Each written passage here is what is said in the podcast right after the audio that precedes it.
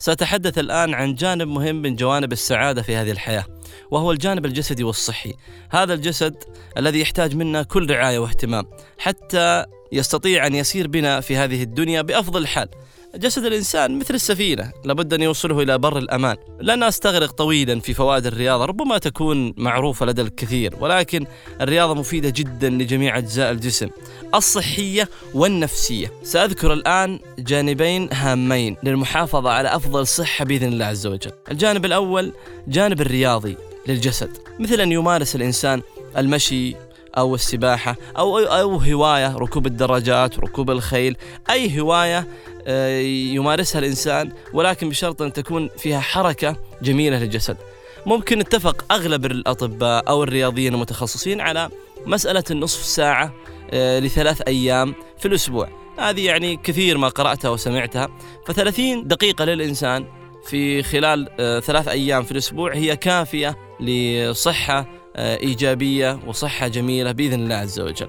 مارس ما تريد. بعض الناس يقول أنا ما أستطيع أن أذهب إلى نادي. طيب إذا ما استطعت أن تذهب لنادي ولا تمارس هواية هناك طرق سهلة. ممكن الإنسان يمارس أيضا المشي في منزله أو حول منزله.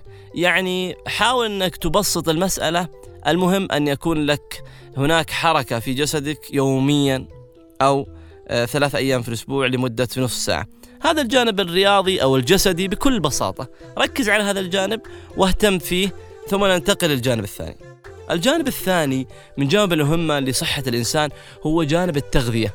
هذه مسألة عظيمة جدا وهي مشكلة المشكلات في العالم أجمع. دعوني أذكر لكم خمس قواعد من أجمل وأروع ما قرأت وما سمعت قرأت كثير وسمعت كثير ولكن هذا أفضل بحث لكاتب أجنبي تحدث عن مسألة التغذية بشكل إيجابي ورائع جدا.